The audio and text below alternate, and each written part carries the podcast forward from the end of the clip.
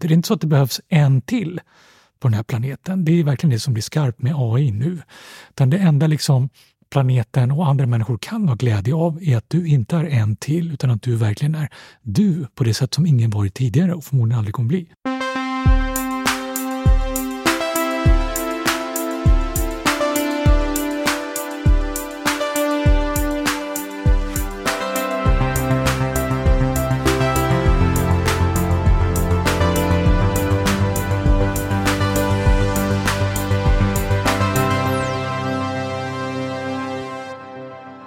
Heja Framtiden är alltså en podcast och plattform för framtidsfrågor.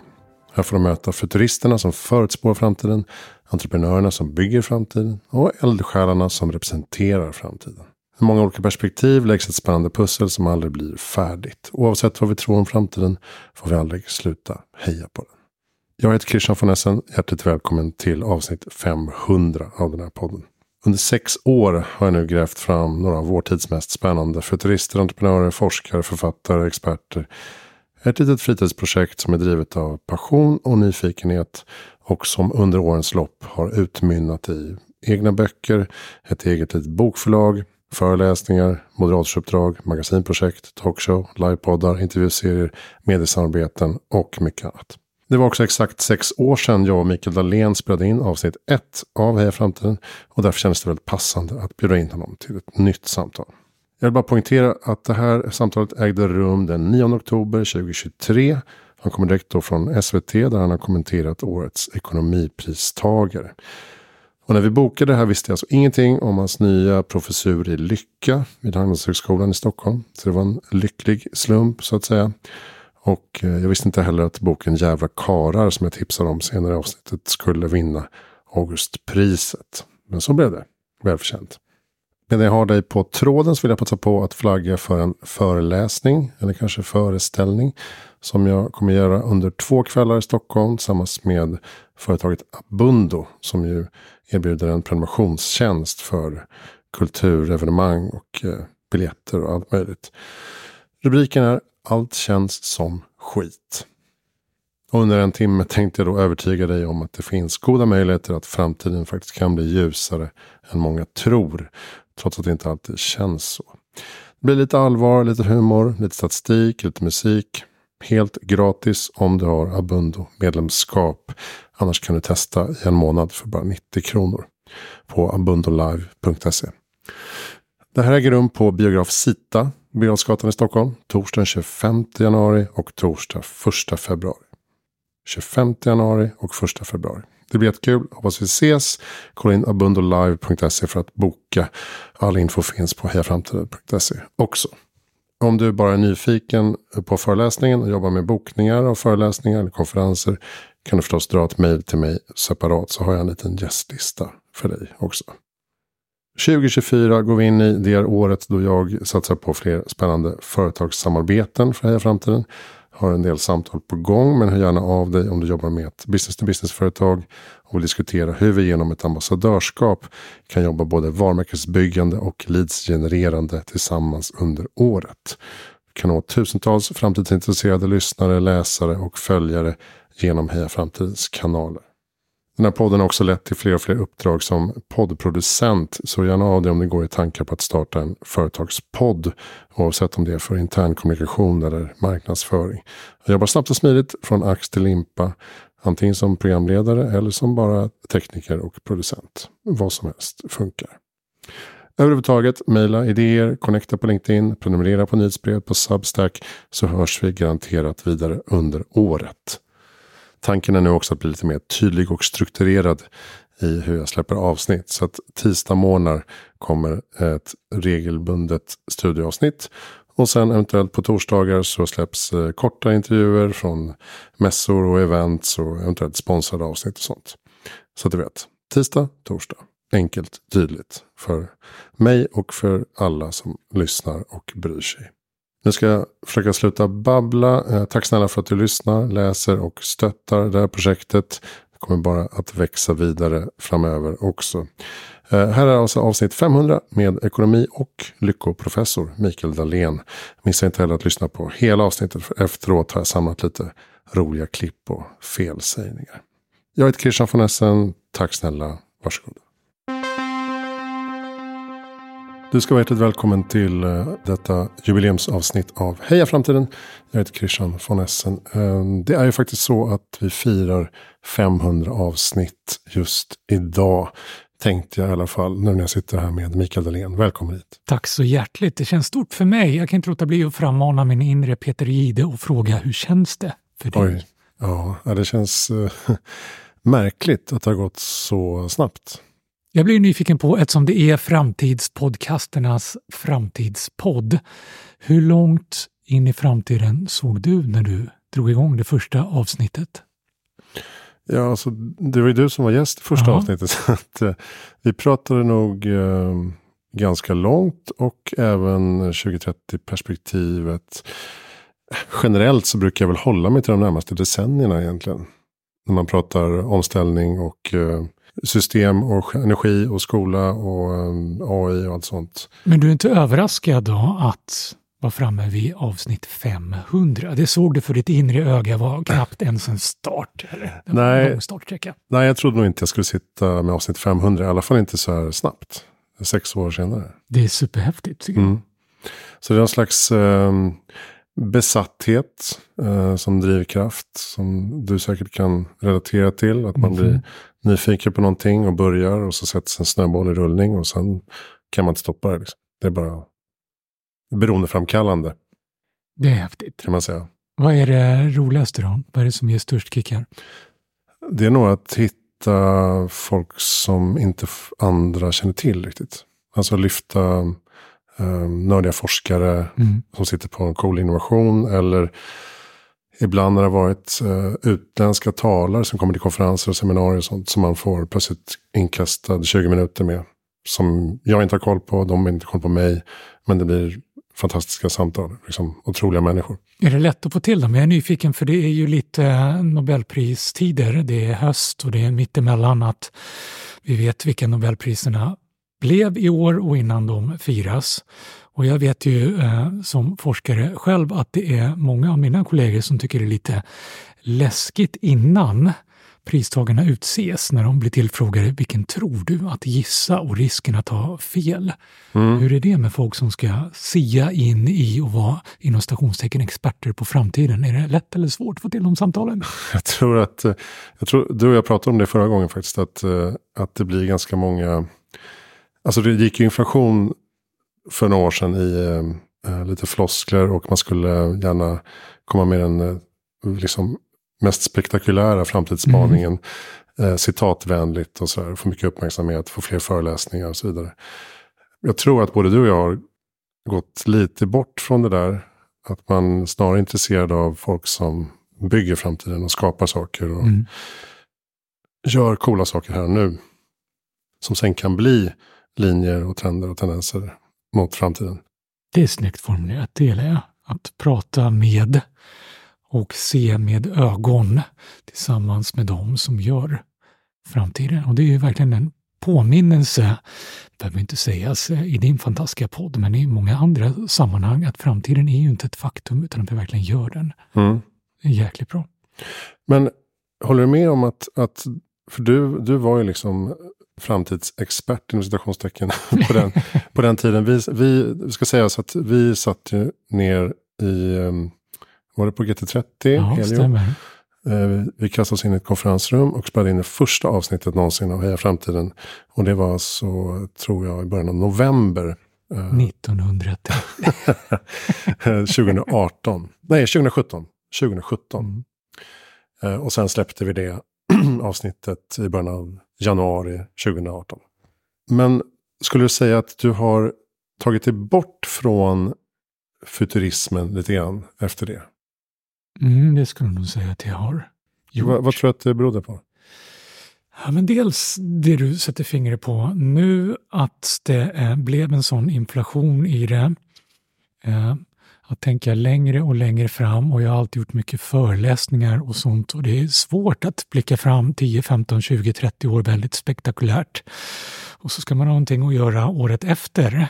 Kan du komma och prata om framtiden igen? Ja, vad ska jag då prata? 100 år? Ja, det det blir en verklig rundgång Mm. i att hela tiden prata om något som inte har hänt och som närmast per definition måste ändras redan innan det händer för att vi ska ha något att göra. Så det blir lite märkligt. Det är ganska slående som du säger, jag, jag var dåtidens framtidsspanare. Mm. Är det nutidsspanare? Ja, men lite så. Och sen också att jag mer och mer började omfamna eh, mitt stora intresse för välmående och välfärd som definitivt också alltid är en framtidsfråga men som i väldigt stor utsträckning behöver vara här och nu fokuserad. Mm. Därför jag minns när jag, när jag lyssnade igen då på avsnittet från 2017 så säger du också att en anledning till att du jobbar mycket med framtidsfrågor är för din personliga nyfikenhet och för att du själv vill bli bättre. Alltså att du Mm. vill hitta nycklar till eh, e- din egen personliga utveckling. Ja. Och det var väl det du nästan gick all in på sen. Med, du har skrivit om lycka, mening med livet, träning, kost, hälsa. Ja, det var ett himla fint sätt att se på det. Det, det blir jag glad om bitarna trillar på plats. Men, men det har faktiskt varit välgörande, det som kan låta så galet, att jag tar ett tusenårsperspektiv på mitt eget liv. Att jag vill och hoppas och väljer att inbilla mig att jag kommer vara vid liv så länge. Så att jag kan få reda på så mycket, göra så mycket, få så många bitar på plats. Det gör det lite mindre stressande. Då är inte lika bråttom in i framtiden, för jag, jag kommer hinna med det också. Jaha, du menar att du tar på dig ett mindset av eh, mycket, betydligt längre perspektiv? Ja, precis. Ja, men rent bokstavligt, och, och Mm. det, det är ju verkligen inbildning just nu, att jag ska kunna vara vid liv i tusen år. Men, men jag väljer att se det som möjligt och som att jag ska göra det, för då stressar det mindre. Och så intressant nog, jag gör ju forskning på i stort sett allt jag är nyfiken på, så jag har jag gjort forskning på det här med hur vi uppfattar våra liv och vår tid i livet och hur galet det blir med vår psykologiska ålder, hur gamla vi känner oss versus hur gamla vi egentligen är. Men jag har också sett närmare på hur gamla vi tänker oss att bli. Och det är också en effekt på vårt välmående, en effekt på hur vi uppfattar meningen i livet. Och om vi ser mer tid framför oss så känner vi också större mening i tillvaron. Så jag tänker det kan vara en ganska bra grej i alla fall. Mm. Ja, Jag brukar ta ett exempel med, det finns en coach som heter Dan Sullivan. Som brukar prata mycket med Peter Diamandis i San Francisco. De har en podd tillsammans. Mm. Exponential Wisdom. Um, han brukar i sina coachingkurser uh, så frågar han rummet då, hur gamla tror du att det kommer bli? Mm. Och alla säger ja men 80-85 och mamma blev bla bla bla och det är cancer. Mm. Och så säger de en siffra på typ 83. Och så säger han, ja men eh, okej, 83. Men tänk er när ni är 80, 80, 82 någonstans, då, hur är livet då? Ja men då, ja men man är pigg och frisk och har en ordnad ekonomi och barnbarn och kanske gör något kul och mår bra och så här. Han bara, okej. Varför, sk- varför i helvete skulle ni dö året efter? Nej, jag vet inte. Nej, men lägg på 10-15 år på det. Ja, okej. Hur länge ska ni leva? Ja, okej då. Men säg 93, 95. då. Han bara, okej. Då har jag just, ni har just fått 10 år eh, av mig här. Vad ska ni göra med den tiden? Hur ska ni se på ett liv på an, annorlunda sätt? Ja, det är en bra fråga. Så jag gillar den, jag gillar den övningen. Jättebra. Och jag tänker liksom när vi pratar hållbarhet, som vi pratar mer och mer om och behöver prata mer och mer om, så tycker jag det långa perspektivet också, att se sig själv i den framtiden, ökar både möjligheterna och ansvaret här och nu. Istället för att tänka att "Nej, då är inte jag med. Så tänker man mina Ja, barn och det, det är barnbarn. mycket sådär, Ja, det är tänk på våra barn och barnbarn och Ja. barnbarnsbarn. Men och, om och jag det är ju toppen, en- men det går inte att komma ifrån att vi är ju lite fokuserade på oss själva också och nyttjar det bra i det faktumet. Till Mm. att se till en tillvaro vi gör både för våra barn men också för oss själva där vi kommer vara ansvariga för hur det är då men också har möjligheter att göra både nu och då någonting bra av det. Mm. Uh, nej, precis. Lite skin in the game. Alltså, Mm. Ja, precis. Som jag faktiskt, ja men, men det där kommer hända 20, 2100. Det är inte, har inte med mig att göra. Mm. Fast kanske visst har. Ja. Vet vi inte. Verkligen. Men följer du um, åldrande forskning och långlevnadsgänget? Ja, absolut. Jag tycker det är skitspännande. Eh, Brian Johnson som ju blivit en sån global ikon nu. Eh, som sålde sin del i Venmo. blev Mhm. mycket pengar där. Och jag har ett helt gäng människor anställda som bor tillsammans med honom i Kalifornien och bara forskar med honom på honom. Alltså det är han som är nu eh, lite media-darling. Mm. Eh, Precis. som investerar i sin egen Precis. kropp. Han är ju manifestationen av idén jag hade ungefär när vi träffades, att göra någonting liknande, inte riktigt med samma budget. Men jag hade sådana diskussioner, Mm. eh, inte, jo, i, i både Kalifornien och, och Florida med några olika aktörer, så kom pandemi och allt sånt där emellan. Men det var eh, en lång eh, snurrig väg fram till ett ja. Jag funderar mycket på sånt, jag följer all den här forskningen, tycker det är jättespännande och jag gör i lite mindre och blygsammare skala experiment på mig själv också. Okej. För jag kommer ihåg sist så pratade vi om just det här, kan man bli 200 år? Och du var inte helt eh, negativ till det. Nej, nej, men jag tycker som sagt, framförallt för att jag är så nyfiken på allt som komma skall. Och Mm. enda sättet att få, få liksom, eh, bli lite mer varse ju att vara med Mm. eh, när det kommer något facit. Eh, men också att jag tycker det är jättespännande med tekniska framsteg, medicinska framsteg, allt vi lär oss som har att göra med det här att åldra eller inte åldras men fortsätta leva längre. Och sen alla liksom förlängda funderingar som följer med det.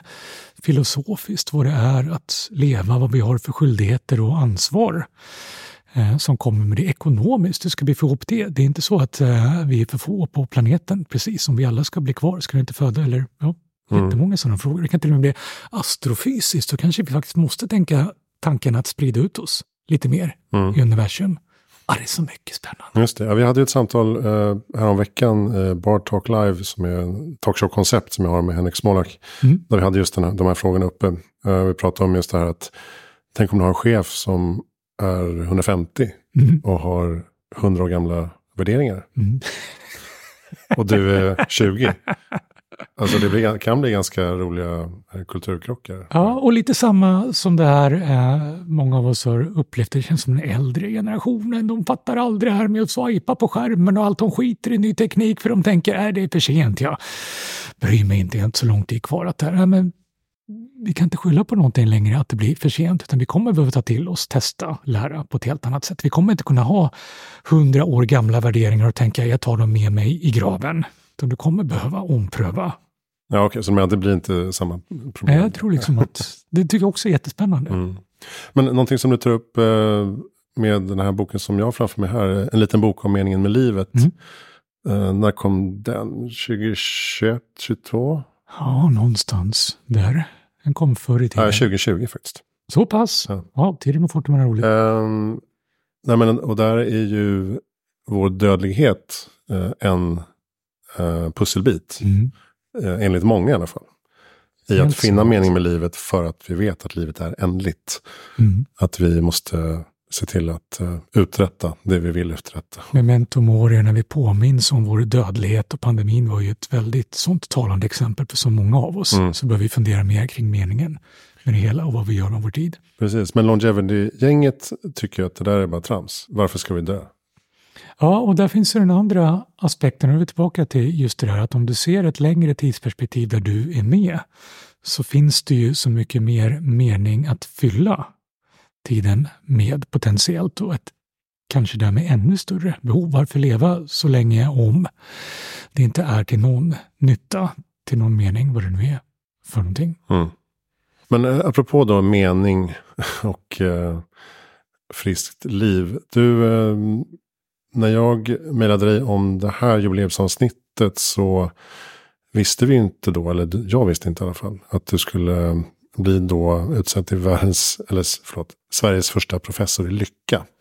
Mm, Det är till och med världens. Är det världens? Faktiskt. Ja, det är svårt okej. att tro. Det är svårt att tro. Kan det verkligen vara? Jo, det är faktiskt det. Det är så? Mm. Det är inte så att jag är först att forska om lycka eller undervisa om lycka.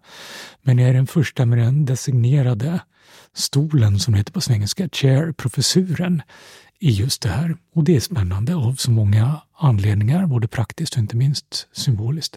Och det här är alltså ett center då som öppnar inom ramen för Handelshögskolan i Stockholm. Mm. Som handlar om välmående, välbefinnande, lycka Och välfärd, precis. Välfärd, Binder samman eh, både det individuella med eh, det gruppdynamiska och det samhälleliga. Det hänger ju ihop.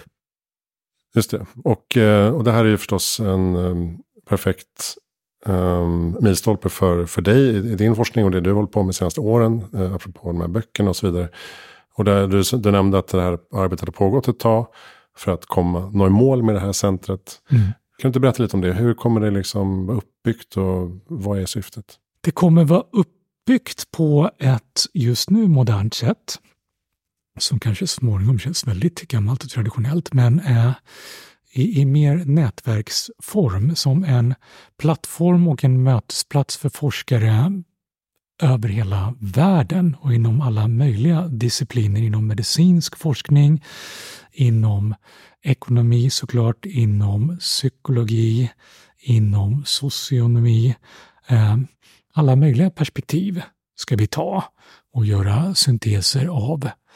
Eh, och det är ett tioårsperspektiv. Det är viktigt för att det här verkligen är på riktigt en stor satsning, ingenting som bara känns som någonting i tiden nu. Eh, och jag betraktar det som en start. De här tio åren är en start, en lång gedigen start på någonting som jag inte riktigt vet, och det är det som är så härligt, vad det kommer leda fram till och hur det kommer se ut om tio år, än som fem år eller tre år. Ha den öppenheten för att utveckla hur vi forskar, hur vi undervisar. Inte minst där har jag jättespännande idéer också i den här nätverksuppbyggnaden. Och varför passar det här så bra in i just uh, Handels? Då? Därför att, att i, i, min mening så är lycka, välmående och välfärd ekonomi på riktigt, alltså när det är på riktigast och viktigast. Det är väl det som eh, på något sätt blir svaret om man ställer frågan tillräckligt många gånger. Varför gör vi det här?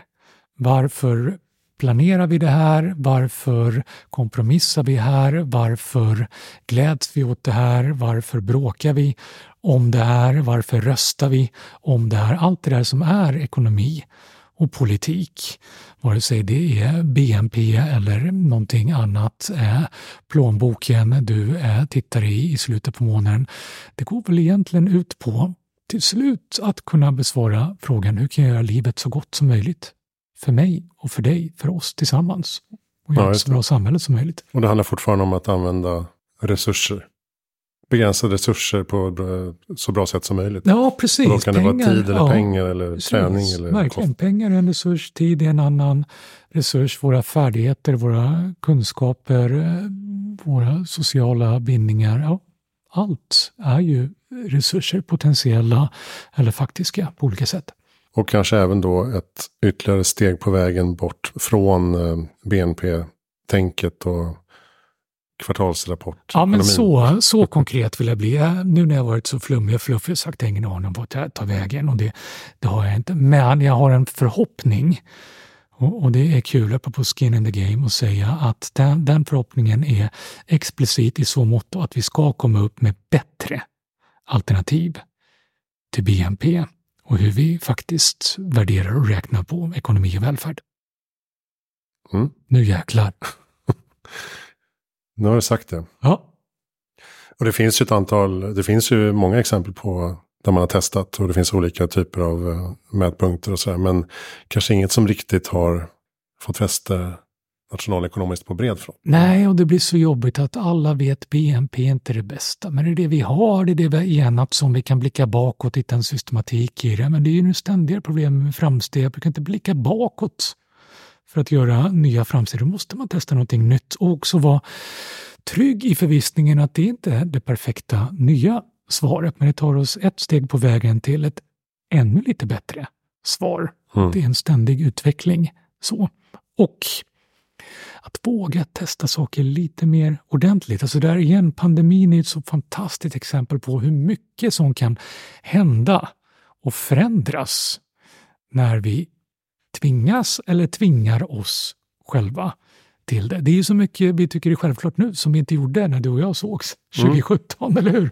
Ja, hade vi pratat om de grejerna som är givetagna nu hade det ju verkat som supergalet. Ja, kanske om hundra år, vi får se.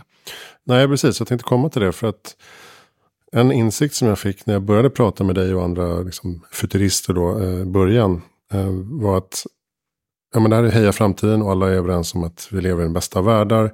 Framtiden kan bli fantastisk. Men det var också ett jävla gnäll om dagens system, mm. dagens institutioner, mm. eh, dagens sätt att göra saker. Som kommer från det industriella tänket då. Jag föreläste också om det här och sa att vi har liksom transport, mat, vård, utbildningssystem som är trögrörliga, mm. som är fast i, eh, i gamla paradigmet. Och så kom verkligen pandemin och vände upp och ner mm. på alla dem. Mm. Väldigt snabbt. Och då var vi plötsligt på något sätt i den framtiden som vi hade pratat om. Mm. Precis. Sen är frågan vad man gör av det sen. Om det vänder sig automatiskt tillbaka till det normala igen. Eller om det faktiskt händer någonting där. Som gör att det finns sprickor som man kan plantera saker i. Ja, alltså helsike vad tvehågsen jag var i det som verkade vara svansen på pandemin. Att pandemin har varit jobbig på många sätt och alldeles särskilt när det gäller folks väl och ve, hälsa och människor som dött. Det får vi inte glömma. Men jag hade ju en liten förhoppning om att den skulle vara ännu längre på grund av att det skulle få oss att sluta prata om det normala som någonting som var innan som vi går tillbaka till, utan att vi skulle hinna vänja oss ännu mer vid det här nya läget. Mm. För det finns ju alltid en risk om någonting är kortvarigt att vi betraktar det just som ett undantag. Som en liten dikeskörning som vi sen baxade upp allt som trillade i på banan igen. Så ja. därför återigen, med alla brasklappar, och det är viktigt att komma ihåg, jag blir så skadad som akademiker, eh, så, så tycker jag liksom att eh, det sen blev det märkliga ekonomiska läge vi eh, varit i med stagflation eh, och många andra osäkerheter eh, finns hoppas jag någonting bra i på sikt också. Att det också hjälpte till att få oss att våga tänka tanken längre och kanske förlika oss med att nej, det är inte att det händer någonting lite grann som puttar oss av banan och sen är det på banan igen, utan det kommer hända igen och igen och igen. Vi får inte tänka på det där som någonting som bara skjuter oss ur ett spår vi ska tillbaka på.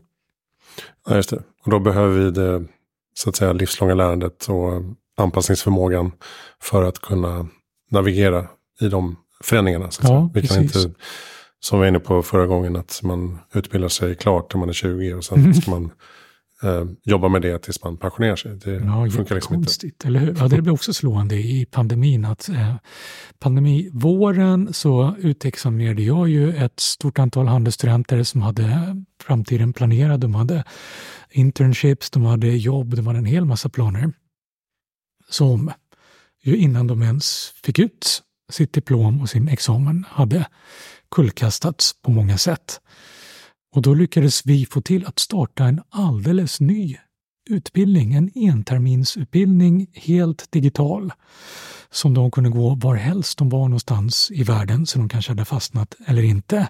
Och som eh, grund hade allt det vi på den här korta tiden lärt oss, eller åtminstone lärt oss att vi inte visste men behöver veta.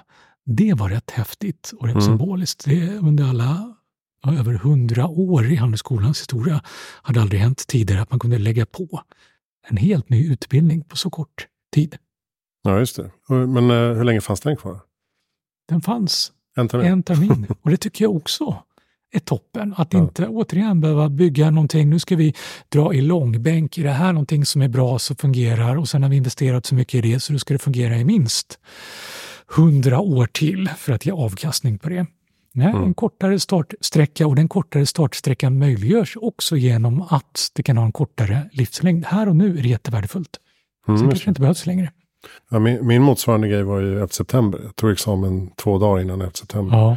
Det var ingen, ingen, som fick ett enda jobb heller Nej. då.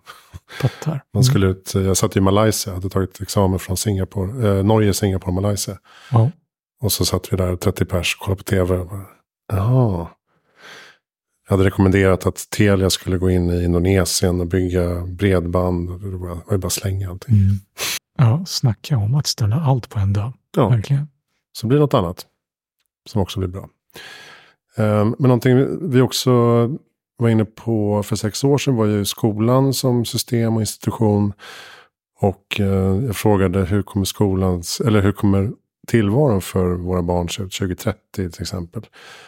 Och då menar du att skolan kommer inte finnas kvar i den form som den är idag. Jag trodde mer på någon slags fritidsgårdsliknande hubb och sen universitetsliknande utbildningsformer där man har projekt och eh, eh, samlas för att delta i det sociala och kommunikativa istället för att bara sitta och matas med information i skolbänken.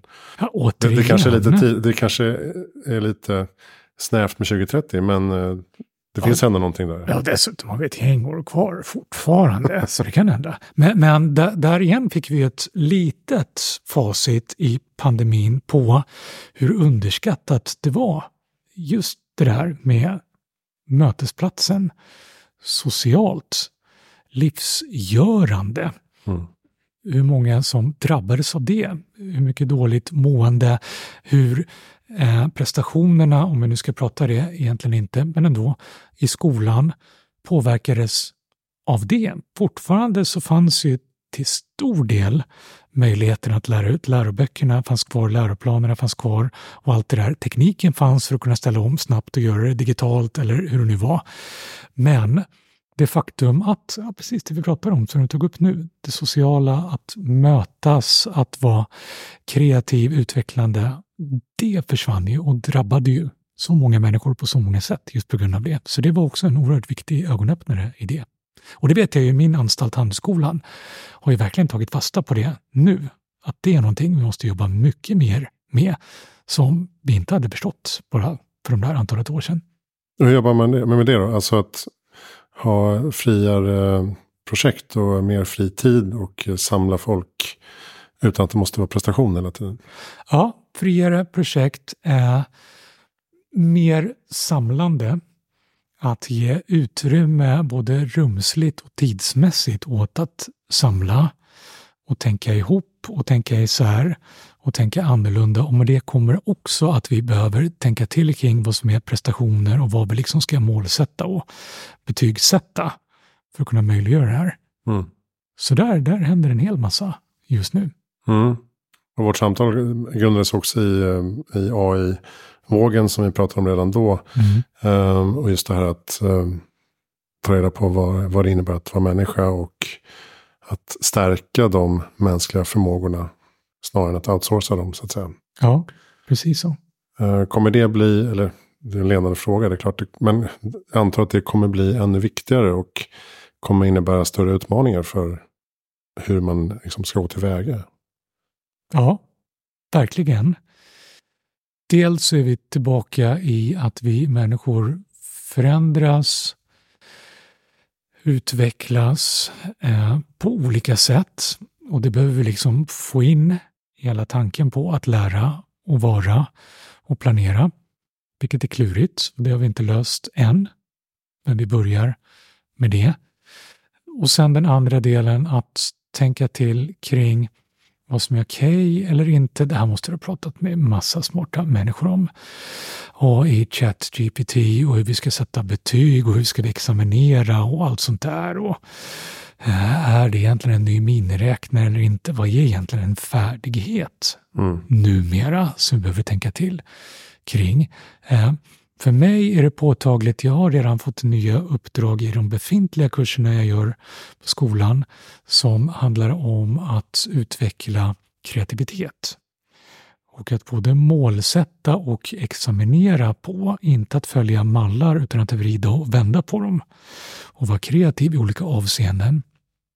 Men också eh, börjat med en tillvalskurs i eh, lycka, välmående och att göra livet bättre för sig själva och varandra som eh, blivit väldigt populär, jättekul, men som nu också bör komma in som obligatoriska moment i olika andra kurser. Mm.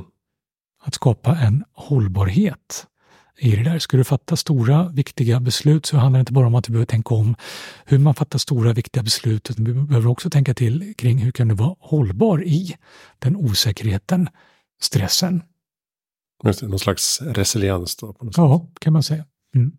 Ja, för det, det känns som att du ofta värjer dig mot det liksom eh, homo economicus, eh, det rationella, eh, hela tiden nyttomaximerande, optimerade, automatiserade samhället egentligen.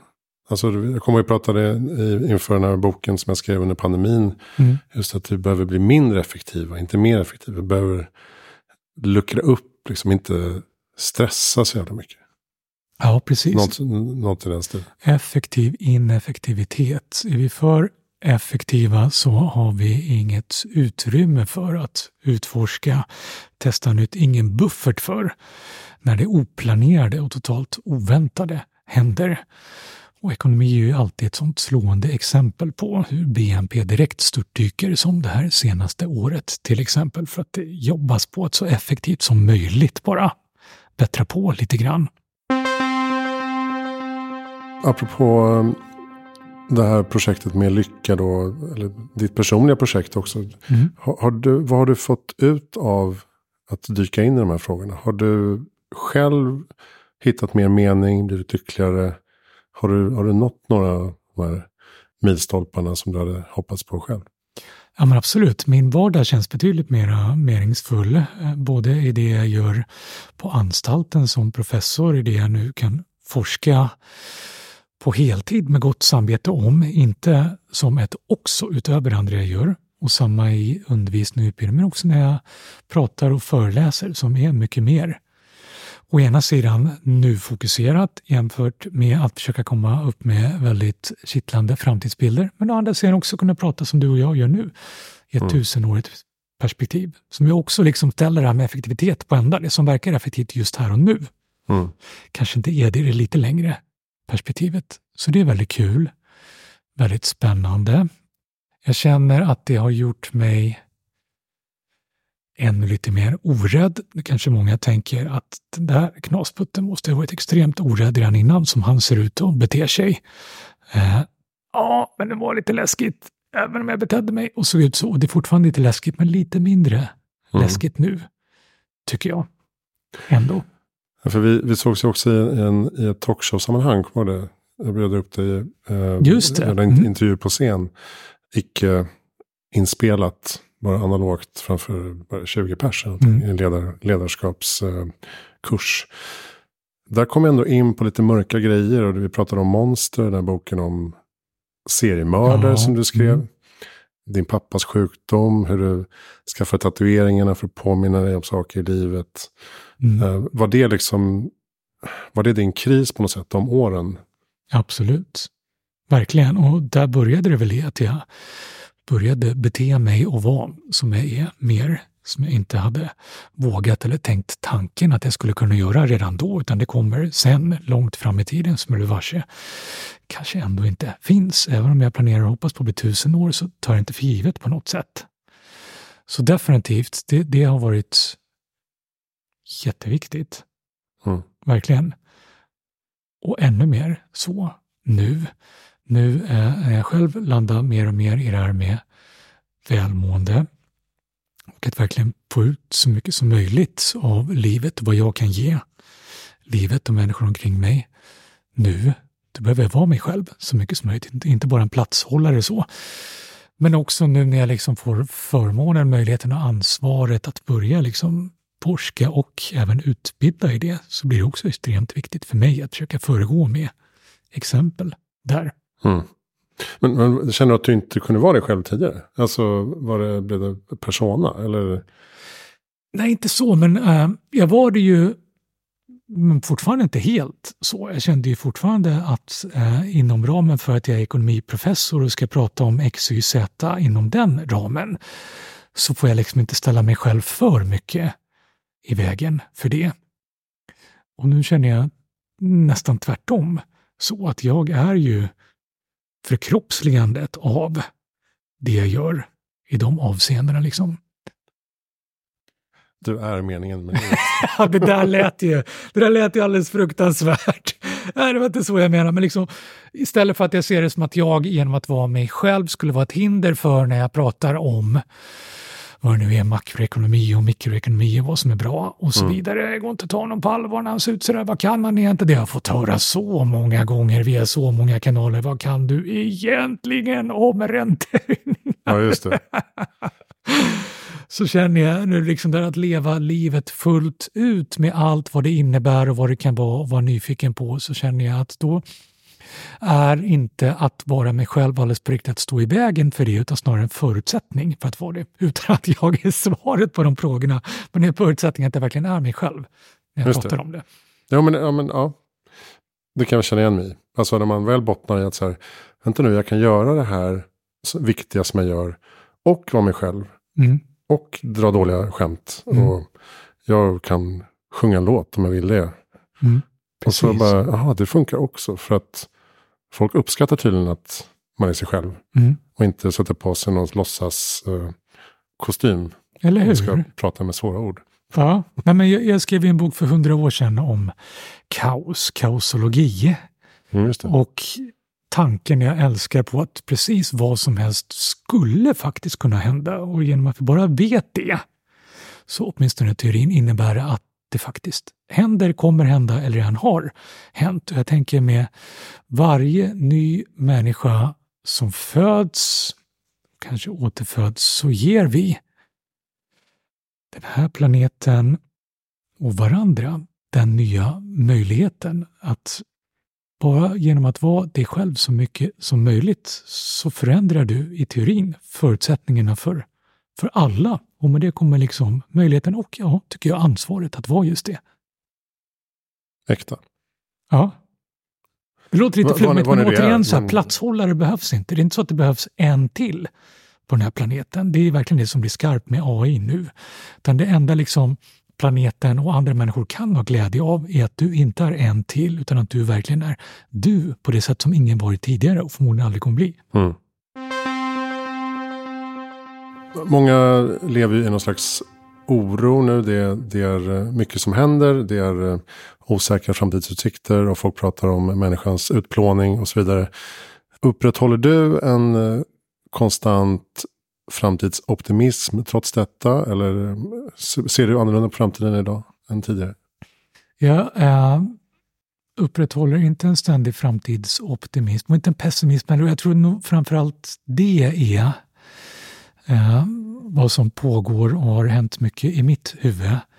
Äh, att det inte är och nog inte kan vara ett antingen eller optimistisk, pessimistisk, lugn och trygg eller oroad och stressad. Att det är, det är två eller till och med ännu fler sorters mående som eh, vi kommer bara i växelvis och även parallellt och behöver liksom träna på att hantera och kanske också känna en lite mindre stress och oro över att känna stress och oro. Det behöver inte betyda att allt är fel på mig, på tillvaron, på tiden jag lever i, utan det är också naturligt och mänskligt och det finns positiva sidor av det också i drivkrafter och så vidare om vi kan hantera det mm. rätt. Ja, jag försöker också nu kämpa lite med det här med att balansera mm. de här otroliga domedagsscenarierna som målas upp samtidigt som det har en otrolig teknikoptimism åt andra hållet. Mm. Och så försöker jag liksom baka ihop de här och säga men det kanske blir någonstans mitt emellan. Mm. Och vi kanske både har ett fantastiska möjligheter och fantastiska risker eh, på samma gång. Mm. Det, är liksom, det är inget som eh, behöver utesluta varandra nödvändigtvis. Nej, precis så. Verkligen. Um, men det är ganska svårt att formulera ibland utan att bli för luddig. Alltså, jag är ju väldigt mycket både och, mm. mittemellan. Mm. Um, kanske också lite konflikt. Uh, rädd. Men, men eh, jag tycker inte att det är, jag tycker inte världen är svartvit och inte heller framtiden är svartvit. Nej, precis så. Ehm, för att bli lite mindre flummig då, men ta ett kanske lite apart exempel. Eh, min Facebook-korg. Ehm, ömsom jättetrevliga meddelanden från folk som hittar mig där och som jag därmed hittar till. Vi har aldrig hittat varandra annars. Eh, varvat med helt fruktansvärda jäkla meddelanden från folk som mår jättedåligt på grund av mig eller på grund av sig själva och eh, förmedlar det till mig. Det är ett klockrent exempel på att det finns så mycket gott och så mycket dåligt i samma lilla korg hela tiden. Mm. Så. Och jag skulle jättegärna bli av med allt det där dåliga och bara stänga av den här korgen. Skit i det här så många gånger jag har tänkt det och suttit med två långfingrar riktat mot skärmen där korgen är öppnad med en del såna grejer. Men då skulle jag också gå miste om allt det där fantastiska mm. det gör. Ja, precis. Vi, vi, var inne på det förra gången också med sociala medier till exempel. Att man gnäller på sociala medier som att det är någon slags gudaregn mm. som har kommit ja, över precis. oss. Ja. När det i själva verket är vi som hela tiden bygger och utvecklar mm. sociala medier eh, på det sätt som vi vill faktiskt. Vi klickar på det som Alltså det, det som vi klickar på premieras. Ja, precis. Och, och därför tänkte jag komma in på det här med nyheter. Uh, jag gav ut en bok här förra året med Tobias Wahlqvist. Det var han som spelade in vår podd förut faktiskt. Mm. Uh, skippa nyheterna. Varför jag slutade läsa nyheter. Varför du också borde göra det. Just det. Det låter ju också väldigt svartvitt. Men uh, jag tror att det ligger någonting där i att vi hela tiden matas med en dramaturgi som innebär att vi ständigt får det mest katastrofala kastat på oss 24 timmar om dygnet. Ja, dessvärre. I liksom konkurrensen om uppmärksamhet och omedelbara reaktioner så kommer ju det som tarvar omedelbara reaktioner som känns akut dramatiskt hamna längst upp hela tiden och så förstärks det ju. Mm. Men finns det någonting, för det måste ju, tänker jag, man touchar vid ibland vid lyckoforskning till exempel. Mm. Att, att ett konstant nyhetsflöde med eh, krig och katastrofer måste göra att vi blir mindre lyckliga på något sätt. Ja, så är det.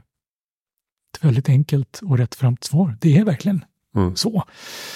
Eh, och så kommer det krångliga i att vi behöver ju informera oss. Vi behöver ju vara agenter i informationsflödet. Så vi kan ju inte stänga av helt. Det är ju med nyheter som med sociala med allt det där. Liksom. Det finns en mm. anledning att de kom till och att det liksom har accelererat som det gör. Så där måste vi också träna oss och hitta den balansen. Och gång efter annan dyker tanken upp, men skulle vi inte kunna ha kanaler, hela mediehus som bara ägnar sig åt positiva nyheter? Mm. Nej, tyvärr. Dels finns det facit för det har gjort sådana försök och bevisligen har inte de blivit tillräckligt livskraftiga. Eh, å andra sidan så vi behöver ju informera oss om problem, om hot så vi kan hantera dem innan de är ohanterliga. Så det gäller att hitta balansen där också. För det är fortfarande viktigt. Det är jätteviktigt med positiva nyheter. Det är jätteviktigt med underhållning, att få skratta och allt vad det är. Jag tänker på det som att vara en hållbar människa för att kunna orka med. Ja, som du säger, resiliens också. Mm. Allt det där. Balans. Mm. Och att kurera sitt nyhetsflöde så att man faktiskt får eh, en balans. Också. Ja, och det där kan vara så kul, för jag minns det, och nu blir det mycket snack om pandemin, men det känns lite lyxigt. Vi pratade så mycket framåt förra gången, så nu vänder vi på det. Vart 500 avsnitt ja, så byter vi riktning. Så det här blir eh, tillbakablicksavsnittet och så möts vi i avsnitt 1000 och pratar bara nutid. Mm, Vad händer idag? Perfekt. Men det som komma till var pandemin och det jag kunde se då, för gjorde jag en massa studier såklart, på hur många som kände det är min plikt att varje dag läsa varenda nyhet om pandemin, se varenda presskonferens och så vidare. Mm. Och de mådde ju jättedåligt. Och vi måste liksom tänka tanken att nej, det kanske inte är min plikt att ta del av varenda nyhet hela tiden, för då kommer du inte orka. Du har ett ansvar mot dig själv och andra också att ta en paus för att även imorgon, om ett år, om tio år kunna vara en agent i det här. Mm. Jag vet inte hur många artiklar om uh, Putins uh, hälsa man kan få i kroppen. Liksom. Nej, eller hur? Innan man blir galen. Ja. ja. Och jag liksom förstår den impulsen och det är, en, det är en fin impuls att jag behöver engagera mig, jag behöver ta del av allt, inte gräva ner huvudet i sanden. Men, men det går inte, du måste tänka ett steg längre. Att för att kunna orka med, det är liksom, det är inte ett sprintlopp där, det är ett maraton. Mm. Så kan du inte springa i 190. Har du några fler eh, bokprojekt på gång eller ligger det lite på men det har jag. Två böcker. En väldigt passande att prata med dig om som handlar om tid. Mm. Nu om någonsin behöver vi fundera igen kring vad tid är för någonting, hur vi ser på tiden, hur vi använder den. För det påverkar så mycket vårt välmående, det påverkar så mycket hur vi gör välfärd och ekonomi och allting. Och det, det, finns en massa ny rolig forskning och vi håller på att göra massa nya grejer på. Vi tänker lite snett på tid, som ni nog inte riktigt har förstått. Så det är en, ett projekt, en bok och en annan som handlar om pengar minsann. Tänk va, så här många år har det tagit för ekonomiprofessorn att komma till skott med att börja skriva lite om pengar och hur de funkar egentligen. Mm. Jag brukar fråga, vad är ditt bästa tips för att göra världen bättre i framtiden? Att göra. Det är svaret. Låter så jäkla flummigt igen, men alltså om man ska börja grubbla över det absolut bästa testet, ska man maximera det, får man inget gjort. Gör någonting, gör vad som helst och se vad som händer. För grejen är, det händer saker. Att förstå hur mycket vi påverkar världen omkring oss genom människorna omkring oss, genom att göra saker. Mm. Gör vad som helst. Ut och le åt en annan människa på gatan. Till och med sånt gör faktiskt skillnad. Mm. Gör. Ja. Bra tips. Um, har du några bra uh, lästips eller poddtips? Jag vet du, jag får som prestationsångest än och än så tänker jag tanken att svara på den frågan från dig. Så jag vänder på den. Kan du ge mig några bra tips? Om jag ska skita i så framtidslitteraturen så, så tyckte jag att uh, Andre Waldens bok uh, Jävla karar mm. var väldigt bra. Handlar om en massa pappor. pojkar som kastas runt mellan mm olika dysfunktionella pappor. Mm. Uh, väldigt uh, fin. Bra tips. Jättebra tips. Ja, och nu håller jag på att läsa, eller lyssna på Muskboken. Jag vet inte om den är så bra, men uh, det är ändå fascinerande med, med den mannen.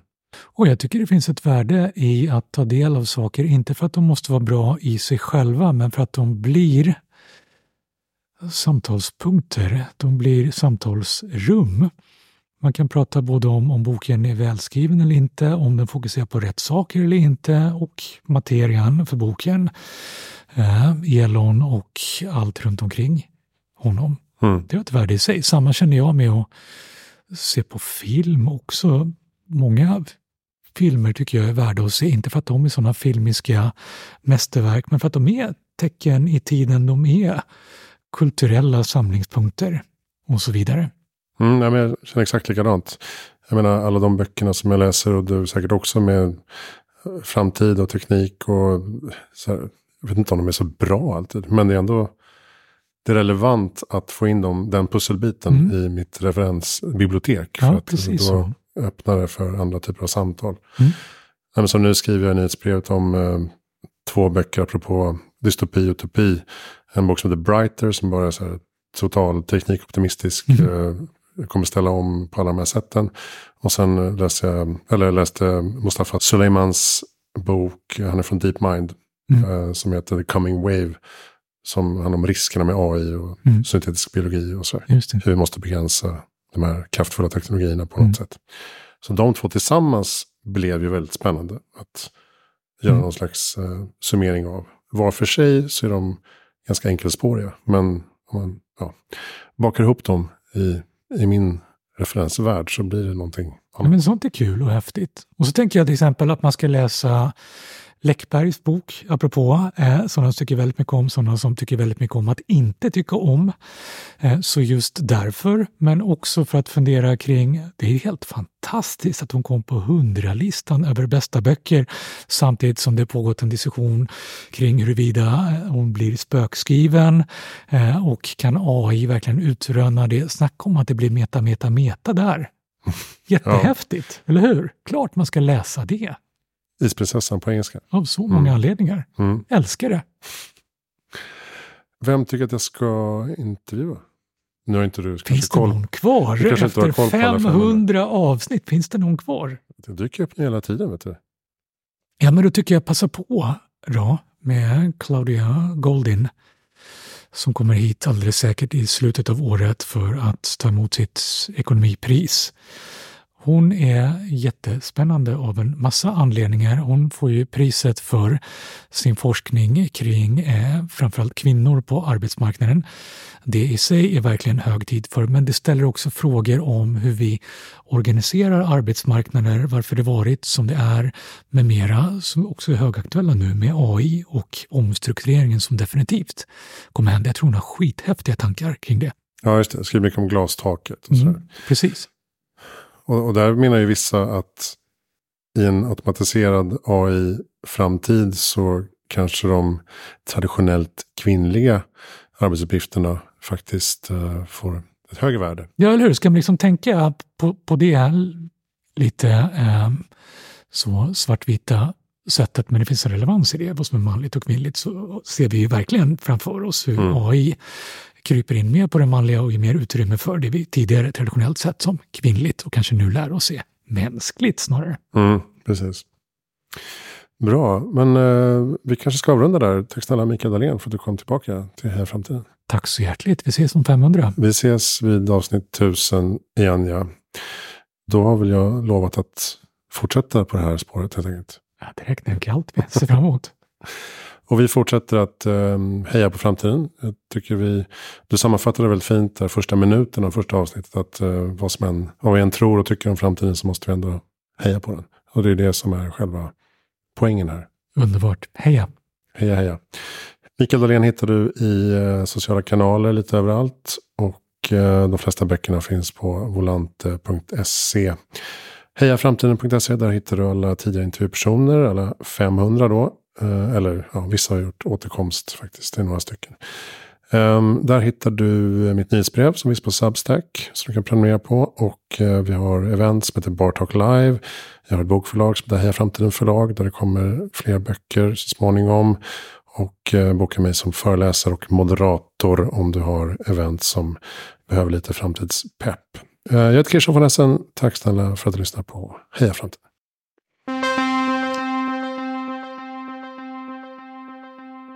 Det finns en del skäl att tro att uh, man kan hamna i så att säga, uh, uh, vad är det heter nu, uh, cul-de-sac.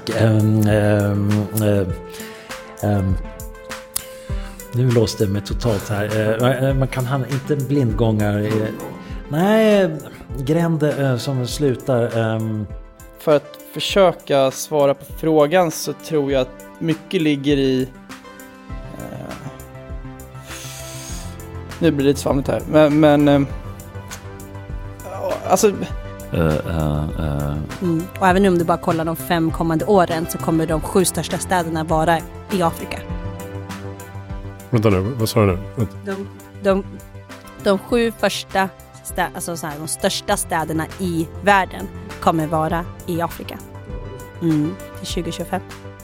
Um, I guess, I mean I have like now also this is I guess pro, like uh, professional uh, like uh, it led me to have that but i'm more of a like yeah i like um yeah so in the past kan du beskriva lite mer vad ni hur ni går tillväga där mm. Um, alltså vi hmm. Nu väntar jag lite grann här.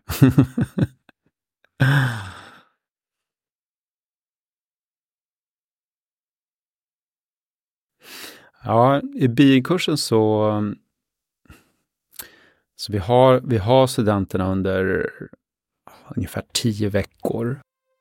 Det ena är att man kanske inte gillar den olagliga uthyrningen då, att man kanske tycker att man behöver få tillåtelse. Uh, um, uh, då ser det coolt ut. Dreja. Jaha. Och det gör den influensen det. De får visa, visa Ghost. Förlåt mig? De får visa filmen Ghost. Ah, tycker du det? Kommer du inte ihåg den scenen? Nej, berätta. Patrick Swayze och Drej-scenen. Nej. Jag ska okay, se den i helgen. Ja. Bra tips. Uh, ja men exakt, Dreja. In i... Uh, och liksom Liksom, liksom. Måste vi inte kunna visa att det finns hög avkastning även med goda, goda liksom, eh, eh, orsaker eller eh, kom, konsekvenser.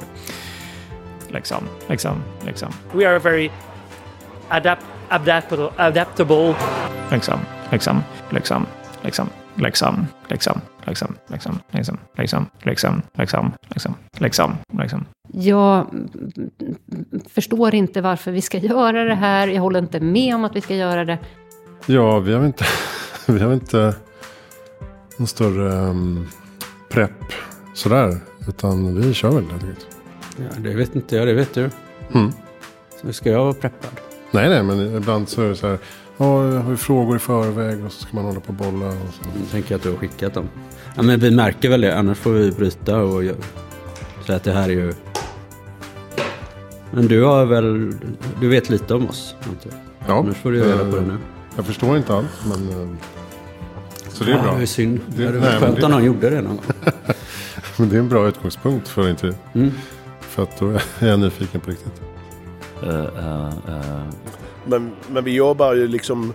Vi jobbar ju mycket med, vi ligger och jobbar mycket med forskning både så att säga på växtförädlingssidan därför att For us, what's an impact startup is that um, um, uh, basically the, the, the yeah solving one of the major global challenges obalans mellan eh, företagsamhet, mellan män och kvin- kvinnor och män. De hade ju inte tittat på något slags design, någon struktur för design. Och när de såg den här uh, people have to be looking for that content around big cultural movement, mo- movement, big cultural moments. So Att det kanske till och med övergår från substilitet till tystnad. Eh, Men eh, i era, virol, vir, era vir, virologkretsar så måste ni ha varit... ehm, Här pratar vi om Ownership, ett nätverk för kvinnligt ägande. Eh, Charlotte Sundåker och Linda Vaccin, eh, grundarna. Vi Mm. är eh, ganska många nu, i 30-tal i arbetsgruppen. Men ja, de kan också rekommenderas som gäster. Just det, Jag tänkte starta en uh, motsvarande för män. Ja, okej. Jaha. Keep, keep it. En, nej, jag vet inte. Jag äger, jag äger ingenting så jag har inget, inget, göra, inget där att göra. Jaha, men då ska du också äga. Det är bra att äga. Ja, jag måste in i Ownership. Ja, För oss obemedlade män. Ehm, Toppen. Du är välkommen. vad fan ska jag säga? Jo, just det. Ownership, bra. Mm. Där är Sir Martin Rees som diskuterar eh, etiken i eh, kryonik. Alltså att eh, frysas ner efter sin död och därmed kunna eventuellt tinas upp i framtiden som en slags tidsflykting. Han pratar här eh, lite kritiskt till Anders Sandberg som varit med också. I actually think it's selfish because, you know, as I say in my book, that uh, um, if if he were revived, he'd be a sort of um, a refugee from the past, and we have an obligation to look after real refugees or someone from the Amazonian forest whose environment's destroyed.